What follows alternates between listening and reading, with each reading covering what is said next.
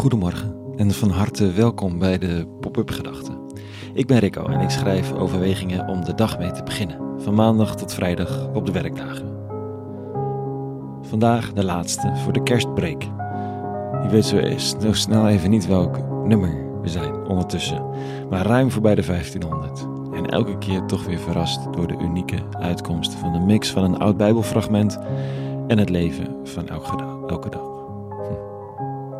Dankbaar dat ik dit kan doen.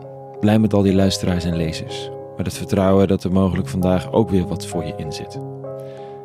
Blij om steeds dat stukje van de ochtend met je op te trekken. Vandaag naar aanleiding van de lezing van de dag. Deze titel. Vertrouwen. Pop-up gedachte vrijdag 22 december 2023.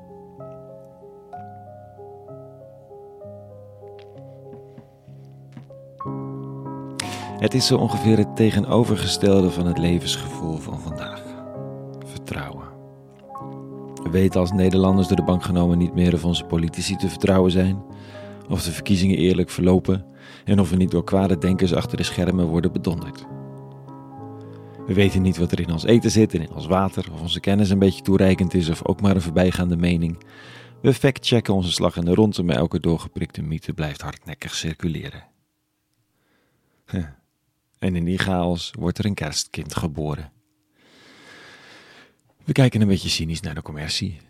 We houden ons soms wanhopig vast aan de nostalgische gevoelens die opduiken bij kerstvieringen en voelen de donkere wanhoop van een land dat in een uiterst giftige oorlog is verwikkeld.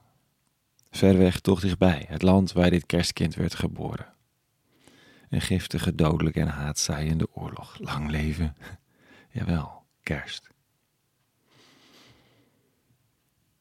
Vandaag in de lezing van de dag schrijft de ogenschijnlijk onvruchtbare moeder die in lang hopen en bidden een zoontje krijgt. Dit, de moeder van Samuel. De Heer, de eeuwige, beschikt over sterven en leven. Hij leidt naar de dood en roept weer terug. De eeuwige schenkt armoede evenals rijkdom. Vernedering brengt hij en eer. En ik hoor in dit, in dit vertrouwen de echo van de mensen uit Pakistan, Afghanistan, Syrië en weet ik wat voor landen die schuilen in de bossen, de jungle zoals ze die noemen, van bijvoorbeeld Bosnië en Servië, maar ook Calais en Duinkerken. Overgeleverd aan mensensmokkelaars vanaf het moment dat ze uit hun land vluchten. Inshallah en alhamdulillah, zeggen ze. Zo de Heer wil en de Heer zij geprezen. Dat zijn de woorden die door de emoties heen worden gevlochten. De uitzichtloosheid, de machteloosheid, de hoop, het plezier, de dankbaarheid, het verlangen, als het de eeuwige belieft, dan komen we heus ergens aan. En als iemand het gehaald heeft, danken we God. De macht van hekken, grenswachten, honden en politiek is maar een pion op het bord. En uiteindelijk valt die pion, staat of slaat die pion, maar het is niet meer dan een pion. Achter de directe, harde, donkere werkelijkheid huist een andere kracht. En eentje die ze gekozen hebben om te vertrouwen, om zich aan over te geven, om lief te hebben. Soort amor fati noemde Nietzsche het. Liefde voor het noodlot. Iets wat hij antireligieus bedoelde, maar toch niet zo anti hoeft te zijn. Liefde voor het lot, overgave. En ja, dus toch een soort van vertrouwen. Het is, zo stel ik me voor, als zeebenen krijgen op een schip op zee. Dat je weet hoe het schip stamt en rolt over de golven. Dat je lijf het weet, intuïtief.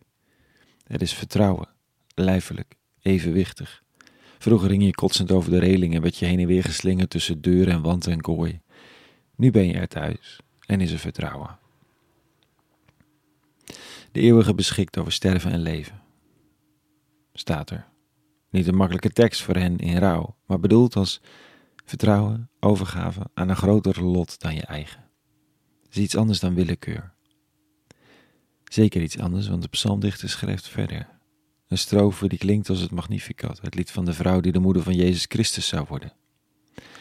Het noodlot, de Allah uit de Inshallah, de God die de wereld omvat en doortrekt, heeft een eigen agenda. Eentje van omkering. Dit getuigt ze, deze moeder van Samuel. Hij, de hij die de onmachtige uit het stof verheft uit het vuil de geringen en geeft hem een zetel onder de vorsten, want hij is de Heer van de zuilen der aarde, waarop hij de aardschijf heeft geplant. Hij is de eeuwige die, die van de zuilen der aarde waarop de aardschijf is geplant. Natuurkundige onzin, maar spiritueel en persoonlijk, spot on en hard nodig. Juist anno nu, juist deze kerst. De draaiende wereld in een ogenschijnlijk oneindig universum heeft een bedding, wordt gedragen. Ik hoop en verlang naar zeebenen. Vertrouwen tijdens het varen over een onpeilbaar diepe zee met soms te hoge golven. En dan niet alleen zijn en een dek onder de voeten weten. Eigenlijk niet een beeld van mij, want wat weet ik nou van zeevaart? Maar het past op een of andere manier vandaag.